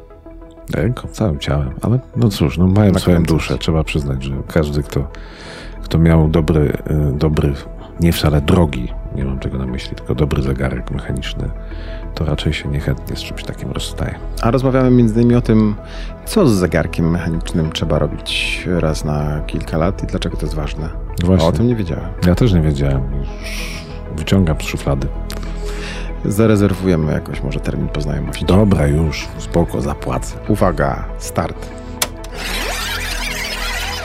Czy jeszcze dzisiaj zdarzają się ludzie, którzy kupują zegarek po prostu po to, żeby wiedzieć, która jest godzina? Ciężkie pytanie. Dlatego na początek. Nigdy, nigdy od tej strony o tym nie myślałem, ale myślę, że raczej już, już nie. Chyba bardziej e, ludzie kupują zegarki po to, e, żeby oprócz e, tego, że wskazuje on godzinę, to żeby mieć też coś wartościowego na ręce. Chociaż myślę z drugiej strony, jak tak przeanalizuję cały, całą swoją klientelę, to są ludzie, którzy też kupują jeszcze zegarki, żeby im wskazywał czas. No ale tak jak czytałem sobie różne artykuły na, ten, na temat zegarków, em, przygotowując się do tego wywiadu, to właściwie wychodzi na to, że są dwa rodzaje zegarków, takich, o których się dyskutuje. Te inwestycyjne i te sportowe. Tak jest. To znaczy sportowe, no może tak nazwać, To inwestycyjne. są komputery właściwie. Tak, nie? tak, Trochę. tak. Komputery, ale też y, jest y, taki dział zegarków kwarcowych, które, na, te wszystkie na baterie, które no, dla mnie są takimi trochę czasomierzami bezdusznymi, można powiedzieć, bo ja Czyli taki zegarek na baterię, który tylko pokazuje godzinę. tak, on tylko pokazuje godzinę, ewentualnie datę i jest to zegarek, który dokładnością, zegarek mechaniczny, oprócz wiadomo jakieś wyjątki bywają, to nigdy tej dokładności nie będzie miał takiej zegarek mechaniczny jak zegarek kwarcowy. Najtańszy zegarek kwarcowy za 20 zł będzie dokładniejszy niż, e, przypuśćmy, nie wiem, e, Tissot, który kosztuje 2,5 tysiąca. No i tu chyba tą dokładność do końca nie chodzi zawsze. Nie? nie, nie, nie, właśnie nie. Tu chodzi bardziej o to, że, że te mechaniczne zegarki, no, trzeba je nakręcać lub one się same nakręcają za, y, przy ruchu ręki za pomocą rotora y, wachnika, ale tu chodzi o to, że te zegarki mają po prostu duszę i są traktowane przez niektórych jako biżuteria, bo wiadomo, że tak od wielu dekad jest uży, uważana jako jedyna taka słuszna biżuteria Męska. męska, właśnie zegarek. Przede wszystkim. Oczywiście są jakieś łańcuszki, bransoletki i tak dalej, ale no one raczej nie są takie popularne. No teraz mężczyzn właśnie zdobi zegarek sportowy, No który tak. jest de facto jednorazówką, bo jak e, w serwisie pytałem, czy można w moim zegarku też takim właśnie sportowym wymienić baterię, to powiedzieli nie, ale jest e, Aha. zamknięty i już go nie otworzymy. No, no. Albo z kolei są jeszcze te tak zwane smartwatche, które można ładować ponownie samemu w domu. I, No tak, i, to jest taki właśnie zegarek. E, Właśnie nie wiem, czy to jest zegarek, czy Aha, to jest czyli to jest- urządzenie. tak, to ja go jest mogę ładować, ale w momencie, kiedy ta bateria straci e, może nie życie, ale zdrowie, no to już nie ma Rozumiem, możliwości rozumiem. wymiany baterii na nową. Po prostu trzeba go, nie wiem, wyrzucić chyba. Czyli można powiedzieć, że już ten zegarek nie ma duszy. To szybko sprzedać, zanim się, Albo tak. zanim się zepsuje, potem kupić e, nowy. Pana długiej karierze, która trwa ile lat? No 20 lat można 20 powiedzieć. lat. Spotkał się pan z zegarkiem, którego nie dało się naprawić? Spotkałem się z takimi zegarkami, ale Takiej odpowiedzi się nie spodziewałem. spotkałem się, ale tylko dlatego, mm, bo naprawić praktycznie można wszystko. Tylko kwestia jest, y, ile to będzie kosztowało, ile to zajmie czasu i czy znajdziemy odpowiednie części i kiedy znajdziemy te części. Bo często jest, że jak na przykład trafia do mnie zegarek z, nie wiem, XIX wieku, który ma braki, to takich części ja w stanie no, często nie posiadam na swoim, bo musiał mieć naprawdę magazyny wielkości y, jakiegoś supermarketu, a i tak i tak nieraz mógłbym nie znaleźć. Y, I wtedy pozostaje szukanie kogoś, kto ma takie części lub dorabianie. I teraz dorabianie też nie jest taką łatwą sprawą, gdyż trzeba mieć bardzo duży park maszyn i narzędzi do tych maszyn. Bo do, żeby dorobić kółko, trzeba mieć odpowiedni fres, żeby od, dorobić tryb, na przykład w kole odpowiedni fres, y, odpowiedni module. A kiedyś było tak, że tych zegarków produkowano tylko zegarki mechaniczne i co roku firmy zegarmistrzowskie, żeby inni zegarmistrzowie ich nie podrabiali, nie mieli zbyt łatwo, żeby je naprawiać, to zmieniano moduły frezów i praktycznie zegary co roku mm, różniły się.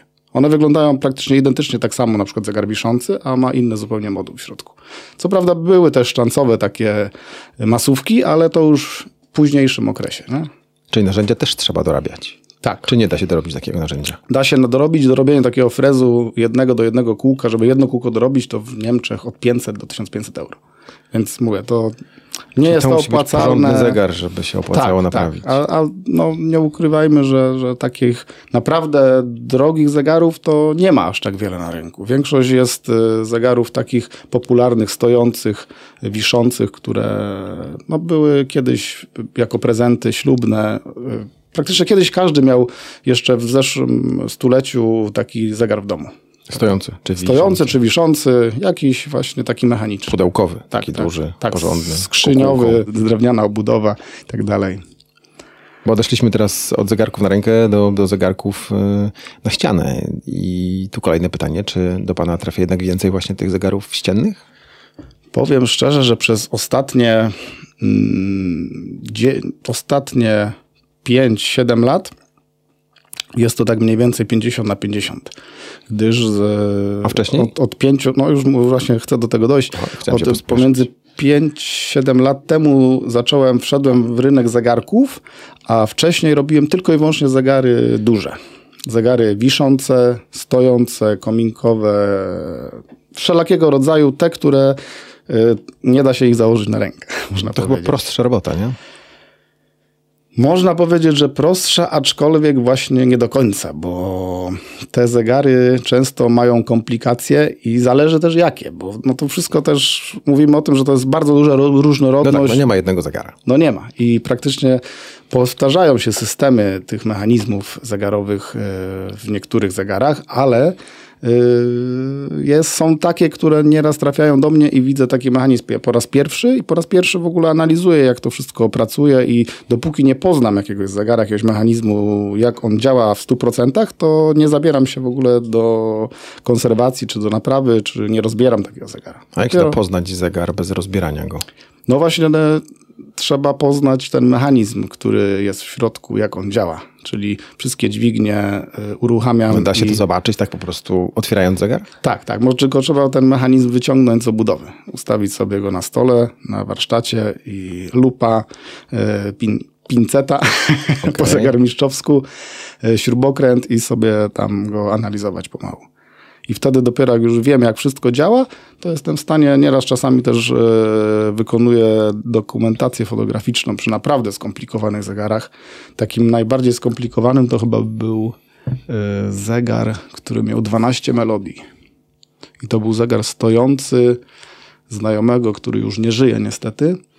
Prowadził nie Lombard, tylko z antykami sklep. I, I miał taki zegar. On był, tam były duże braki i pamiętam, że naprawa trwała z dwa lata, ale nie cały czas się nie zajmowałem tym zegarem, tylko dwa lata u mnie był w pracowni z uwagi na to, że szukałem części i y, zlecone były pewne elementy do dorobienia, a to też jest czasochłonne nieraz, bo ci ludzie, którzy się tym zajmują fachowo, to mają bardzo dużo zleceń, nie? takich, żeby... Zajmują się fachowo dorabianiem Dorabianiem części, części no, dokładnie. Chyba pan informację, jaką część pan potrzebuje, człowiek No nieraz jest, jest. Ja, mamy takich, współdziałamy, bo generalnie... To są Polacy? To w Polsce tak, się robi? Tak, tak, w Polsce. W Polsce. Mhm. Jest w Bydgoszczy jeden pan zegarmistrz, który się... No, ma duży park maszyn i potrafi dużo z, zrobić, e, drobić części takich właśnie do zegarów starych. No i okej, okay, patrzy pan na ten, na ten zegar długo, długo, długo przez rok. W końcu już pan wie, jak on, jak on działa i co się dzieje dalej.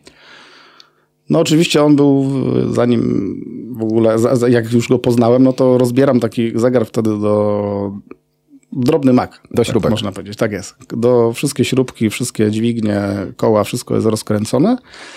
I każdą część, najpierw oczywiście to, ten zegar jest czyszczony, a później jak już jest wyczyszczony, to każdą część e, biorę na stół, i każdą osobna pod lupę i dokładnie analizuję. I wtedy się może okazać, że jeszcze coś jest do zrobienia. No, wtedy właśnie się okazuje najczęściej, co jest w ogóle do zrobienia, yy, czego nie widziałem wcześniej, zanim ten, jak ten zegar był złożony. Dla mnie to jest jasne chyba dla każdego, kto cokolwiek rozkręcał, że rozkręcenie to nie jest żaden problem. A ma pan sposób na go skręcić? Chociaż niestety w zegarach jest y, problem taki, że można ominąć pewne etapy, pewne czynności, które skutkują, że jak pan rozbierze tak bezmyślnie taki zegar, to zniszczy pan go w taki sposób, że już no, nie będzie się praktycznie opłacała naprawa. Czyli co, to doświadczenie? Bo są w zegarze sprężyny. Sprężyny, które jeżeli są nakręcone maksymalnie, to one, no to jest siła taka, że może, można stracić e, paznokieć spokojnie albo nawet palec. Nie? Jak, jak ta sprężyna jest naprężona, a my jej nie nie rozprężymy. Nie zwolnimy jej. Nie zwolnimy, dokładnie. No okej, okay, rozkręcił pan zegar, który ma pewno, nie wiem, tysiąc części? Kilkaset? Mm, może nie. Te zegary wbrew pozorom, ale, ale do stu części, niektóre powyżej stu mają. Tak, nie? Jak, jak, nie, nigdy nie liczyłem tego, ile, ile jest części, ale śrubki... Do, przy, Na pewno ponad sto, myślę. Ale może być, być. Koło, koło. No i jak to złożyć? Wszystko zależy, jaki też zegar, bo są zegary bardziej, mówię, skomplikowane, tak jak mówiłem wcześniej, a są zegary, które są proste, bo na przykład wskazują tylko chód. To taki zegar ma jedną sprężynę, kilka kółek, dwie płyty, sprężynki, zapadki i tam myślę, że w 30-40 częściach byśmy się zamknęli. I pamięta pan, jak to złożyć? Wszystko po kolei? No właśnie lata praktyki spowodowały, że pamiętam. I są zegary, które mogę robić tak naprawdę w cudzysłowie z zamkniętymi oczami, yy, gdzie właśnie wtedy sobie puszczam jakieś e, podcasty czy yy, wykłady słucham sobie i, i mogę pracować. Mechanicznie, jeszcze. tak, półmechanicznie. Dokładnie, dokładnie, dokładnie. Ale są takie, gdzie jak coś słucham, to muszę wyłączyć natychmiast, bo trzeba myśleć. I wtedy już to są już bardziej takie skomplikowane rzeczy. A teraz jak na przykład robię zegarki z kolei, jak wchodzę w ten świat zegarków yy, i robię już bardziej skomplikowane zegarki, no to tam jednak cały czas trzeba myśleć, bo są małe rzeczy i jak tam jakaś sprężynka szczeli, to no, można to się za rok nie, dopiero ją można znaleźć. A mocno się różnią zegary mm, budową swoją, te zegary ścienne, stojące od zegarków naręcznych? No różnią się. Można różnią powiedzieć, to oczywiście mnie, wielkością części. No wielkością części się różnią, ale system, no, no mo, można powiedzieć, że są bardzo zbliżone jako mechanizmy, ale różnią, prawie każdy egzemplarz się czymś różni. One mają cechy jakieś wspólne, ale różnią się wieloma rzeczami. Czy to jest większa Bo... różnica niż przy tych ściennych? Tak, tak, tam jest większa różnica, ale przy ściennych czy wiszących też, bo to są francuskie, niemieckie zegary. One miały różne, różne systemy, różne jakieś patenty, które wymyślały firmy. Yy, no i to jest właśnie, na tym polega ta różnorodność i różnica, że ja na, naprawdę po tych 20 latach czasami spotykam takie błędy w zegarach, gdzie Nigdy czegoś takiego jeszcze nie spotkałem, a są takie, które się powtarzają. A I błędy jakiego typu? Często jest tak, że rozbiorę zegar. Wszystko ze sztuką, z zegarmistrzowską, wyczyszczę, złożę, usunę luzy, składam, wkładam do budowy, zegar chodzi, za 5 minut stoi.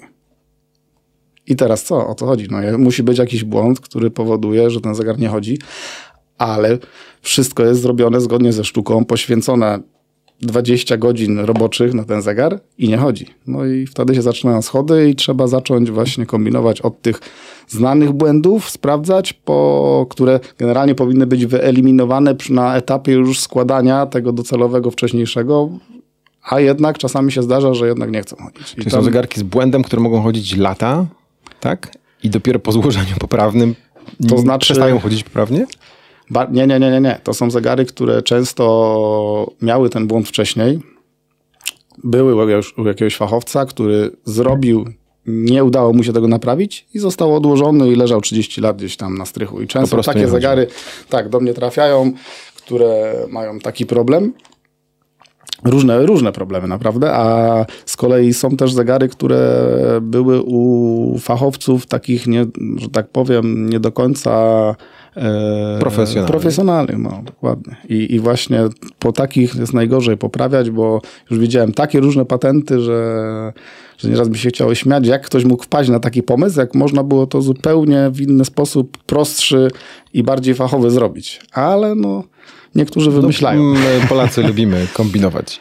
Ale to też było spowodowane tym, że bardzo często e, to byli fachowcy, którzy się uczyli w czasach komuny.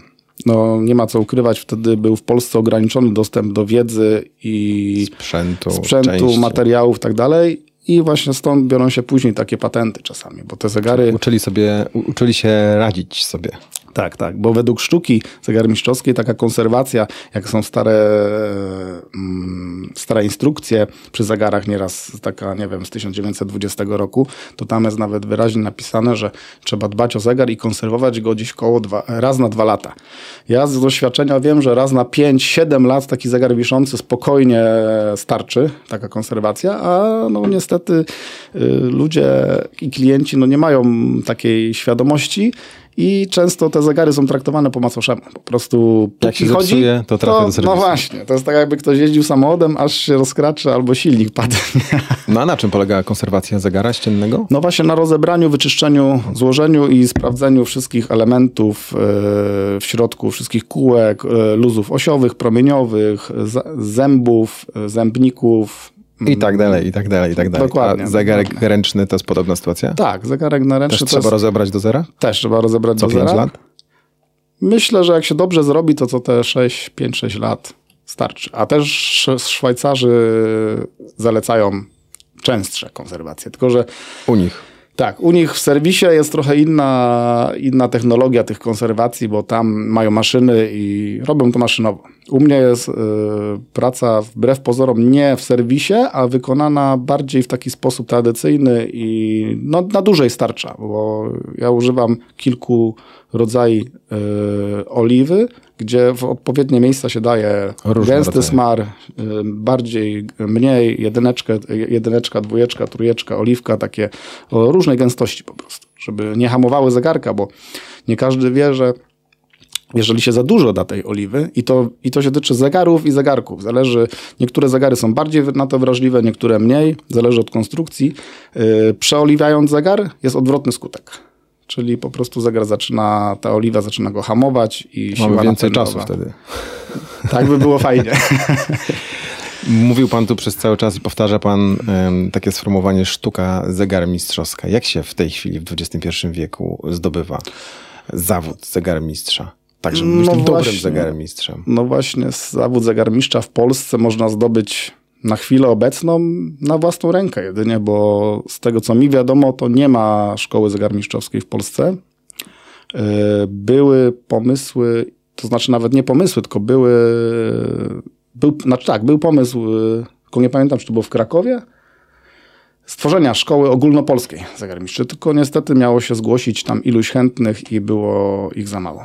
Było za mało. I ten pomysł upadł jedynie dla zegarmiszczy, którzy się kształcą na własną rękę.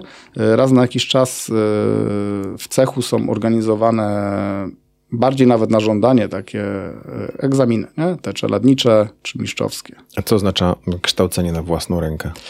No właśnie tak jak ja na przykład, na swoim przykładzie mogę powiedzieć, to ja pochodzę z rodziny zegarmistrzowskiej, trzecie pokolenie zegarmistrzy i ja się nauczyłem od ojca, mój ojciec y, oduczył się od swojego mistrza i od wujka. I to, że tak powiem, z pokolenia na pokolenie. A i dlatego posio- pojąłem tą wiedzę, posio- posiadłem. A no, w tej chwili to jak ktoś, taka osoba, laik, co nie ma żadnej styczności, no to jedynie może, nie wiem, poprosić, czy gdzieś się zgłosić do jakiegoś zegarmistrza, czy przekażę mu tą się wiedzę. do pana? No nieraz się Chętni? zgłaszają, ale powiem szczerze, że chyba w tej chwili trochę mm, trochę się ten, e, ten rynek zagraniczny tak trochę zmienił. Bardziej y, rząd i w ogóle kraj, czy, czy rządzący nas traktują jako biznesmenów, nie? nie jako rzemieślników. I teraz jak ja bym miał y, kogoś uczyć tego zawodu, a naprawdę zegarmistrzostwo ja po siedmiu albo po ośmiu latach nauki dopiero poczułem się na tyle pewny, żebym mógł sam założyć firmę. Czyli de facto powinien być ktoś, kto do pana przyjdzie i powie, teraz ja będę panu płacić yy, za lekcję, określoną kwotę i pan będzie mnie uczyć. I wtedy bym mógł uczyć, tak, bo jeżeli miałbym to robić na zasadzie takiej, że kogoś uczyć... Wolontariatu. Tak, tak, y, pro bono to niestety no nie, nie jestem w stanie. Czy odmawia pan po prostu? No tak, tak, tak.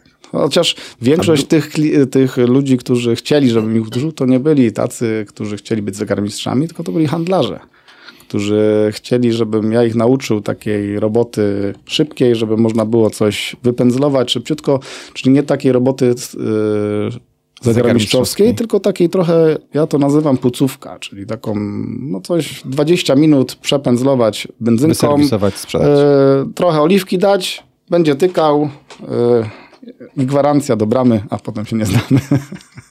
tak można powiedzieć. No, że... Albo wyjechać na zachód. Tam są szkoły? no tak, tak, tam na zachodzie tak, tak. Londyn, Szwajcarii. Londyn, No. Szwajcaria, ale też tu bliżej. Myślę, że nie orientowałem się, czy w Niemczech są, ale wiem, że na pewno w Holandii. A z czego wynika to, że y, nie ma w Polsce szkoły? To, to rzeczywiście jest brak e, chętnych? Tak, mi się wydaje, że to jest to, że ludzie teraz yy, chcą łatwego pieniądza, młodzi ludzie. Chcą, nie wiem, iść na etat, posiedzieć 8 godzin i dostać 10 tysięcy złotych i to wszystko. Nie? I jeszcze może auto firmowe i tak dalej, a tu trzeba firmę założyć i trzeba siedzieć godziny i to długie godziny, bo... I lata. No, no i lata. I, I to jest, no nie ukrywam, czasochłonna praca, naprawdę czasochłonna, bo często jak ja sobie przeznaczę jakiś czas na, na dany egzemplarz, jakiś zegarek czy zegar, to 10% przypadków być może jest takich, gdzie mi się uda zamierzony cel osiągnąć, czyli w jakimś tam okresie go zrobić. A tak to raczej to jest po prostu dłużej. To trwa to wszystko. I klienci się dowiadują, że nie tydzień będzie trwała naprawa zegarka, tylko dwa. Dlatego ja nie, u mnie w tej chwili w pracowni nie ma takich terminów, tylko jest termin otwarty na telefon. Bo mając kolejkę 20, e, nie wiem, 20 przedmiotów, czy 10 zegarków, 10 zegarów, no to ja muszę to robić wszystko po kolei, żeby każdy był, było sprawiedliwie i jak coś mi się przesunie, to no nie, bym musiał dzwonić do 20 osób i wszystkich informować, że się przesunie o dwa dni termin, czy o tydzień. Więc to Trzeba mieć dwa zegarki, jeden do serwisu, drugi na rękę. no najlepiej. A jaki ma pan teraz zegarek na ręce? E, W tej chwili zegarek mam takiej mniej znanej firmy, ale z bardzo dobrym mechanizmem automatycz, o automatycznym naciągu. To jest Constantin Durmont. E, Nieznana firma, e, ale mechanizm Avalju 7750 to jest taki, można powiedzieć, że naprawdę ja uważam, że to jest jeden z lepszych mechanizmów, jaki się udał koncernowi, e, który go wyprodukował. I jest ten mechanizm stosowany w wielu zegarkach o wiele droższych niż ten, który mam na ręce.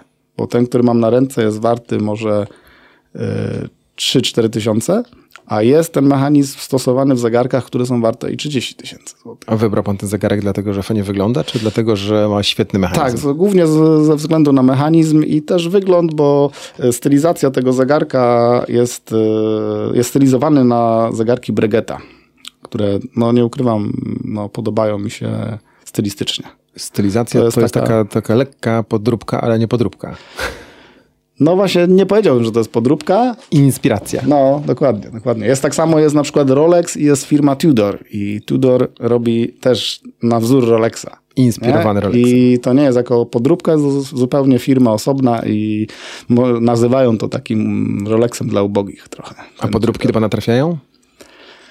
Trafiają jednak, no wszyscy, co do mnie przychodzą z podróbkami, to jeżeli to nie jest naprawdę dobry kolega, no to raczej się odbijają, bo no nie zajmuje nie się. wiedzieć, że to są mm, podróbki. Chyba, że takie podróbki, bo no, musimy rozróżnić, że są kopie i podróbki, bo podróby to są takie, że od razu każdy zegarmistrz wprawny oko powinien nawet rozróżnić bez Rozbierania. otwierania tego zegarka. A są później już kopie i one są robione w ten sposób, że albo kogoś e, po to, aby kogoś oszukać, albo takie, które ktoś chce mieć trochę lepszą, lepszej jakości kopię. I one potrafią kosztować naprawdę nawet kilka tysięcy złotych te, te kopie i są bardzo często yy,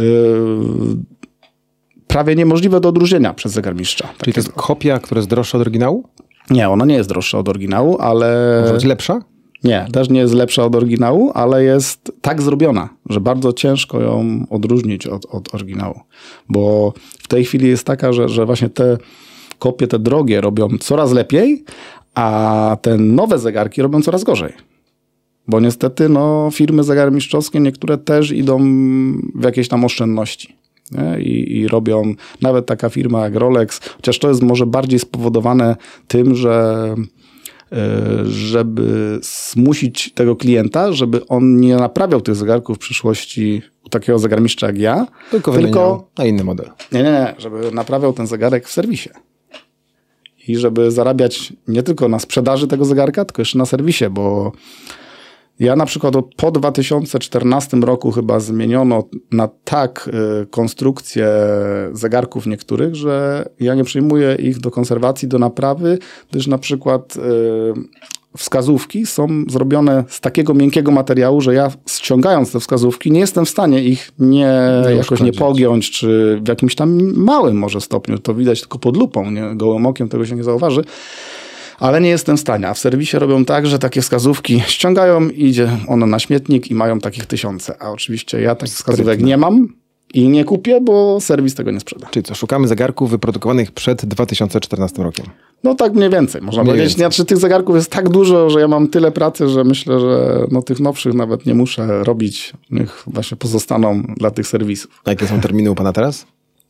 No mniej więcej około 3 miesiące, tak. Od miesiąca do trzech miesięcy, zależy jaki, jaki zegarek, ale, ale tak to mniej więcej wygląda realnie, bo chciałbym mieć taki chociaż miesięczny termin, ale no wiem, że niektóre zegary mi yy, Zajmą więcej zajmują czasu. tak, więcej czasu, a mam też niektóre, które zaległe leżą już na przykład rok czasu, bo czy jakiejś części szukałem i nagle olśnienie, klient dzwoni, przywozi, bo gdzieś tam znalazł, bo oprócz tego, że ja szukam części dla klienta, to nieraz ten klient na własną rękę też szuka części. No zależy mu, żeby jak najszybciej dowiedzieć się, która jest godzina. I wtedy taki zegar jak długo leży, no to ja no nie, niestety muszę odłożyć te prace bieżące i robię taki zegar nieraz tydzień czasu i wszystko mi się znowu przesuwa. Dziękuję panu Dziękuję bardzo. również. Moim gościem był Marcin Bielicki, zegarmistrz z Garbar. Dziękuję. Dobra, to skończyliśmy na dziś. A co za tydzień? No, za tydzień mamy ostatni odcinek. Właśnie spieraliśmy się wcześniej, czy to już jest wakacyjny, patrząc z perspektywy dzieci, czy przedwakacyjny, patrząc z perspektywy kalendarzowej. Przekonamy się w odsłuchach. Przekonamy się w odsłuchach. Generalnie rzecz biorąc, y, za tydzień mamy 18 odcinek podcastu poznańskiego, druga wersja i ostatni odcinek, który nie jest odcinkiem już lipcowym. Czy jeszcze czerwcowym, czyli Znowu- wakacyjnym. Znowu komplikujesz. Dobra. Dobra, ale wiemy jedno, że nic nie wiemy. Tak, wiemy, że nie wiemy, kto będzie w przyszłym Bo odcinku. Mamy, e, ale powiem tak, e, co prawda za każdym razem jak mówię, że kłopot bogactwa nam się szykuje, to później jest katastrofa, to znaczy wszyscy odwołują z jakichś powodów Nie spotkania. wszyscy, no, no nie dobra, ale zdarzyło Są się. tacy, zdarza się. A tym razem szykuje nam się kłopot bo- bogactwa, bo mamy wyjątkowo dużo rozmów poumawianych. I przynajmniej jedna z nich zapowiada się jako rozmowa długa, na osobny odcinek, mam nadzieję, więc Wszystkie nagramy. wszystkie nagramy. Nie wszystkie wypuścimy w przyszłym tygodniu. Dobrze, to nie zdradzamy. Ale Czekają nas wakacje, a na wakacje mamy, mamy plan, który zdradzimy w przyszłym tygodniu. Dobrze powiedziałem. Plan jeszcze musimy się też chciałem- dopracować. Już się chciałem wygadać. Nie mów. Musimy dopracować ten plan. Ale o Billu mówimy? No, Nadal nie. Chyba nie jeszcze. Ale ciekawostkę sprzedam e, gościom. Ci, którzy nas śledzą na Facebooku, mogli zauważyć zamieszanie w ubiegłym tygodniu z postami. Okazało się, że użycie słowa, sformułowania, że nie udało się zaprosić e, Donalda Tuska do podcastu, zostało uznane przez e, Facebook za niedozwoloną reklamę treści politycznych. Niedozwoloną. Niedozwoloną. A jakbyśmy zapłacili, to moglibyśmy tak napisać. Prawda też Trzeba spróbować. Musiałby kto inny zapłacić. Okej. Okay. No mają swój, swój portal, mają swoje reguły. Nam pozostaje w jednym dostosować się do tego, co oni sobie wymyślą. Okej. Okay. To co? Zapraszamy. Do wszystkich sześciu portów dopłynęliśmy. Ośmiu, czy nawet już dziesięciu w tym odcinku. Powiedziałeś już zapraszamy. Ja dokończę. Do 18 odcinka podcastu poznańskiego, druga wersja, który już za tydzień, 29 czerwca. czerwca. czerwca. Do odsłuchania. Do usłyszenia.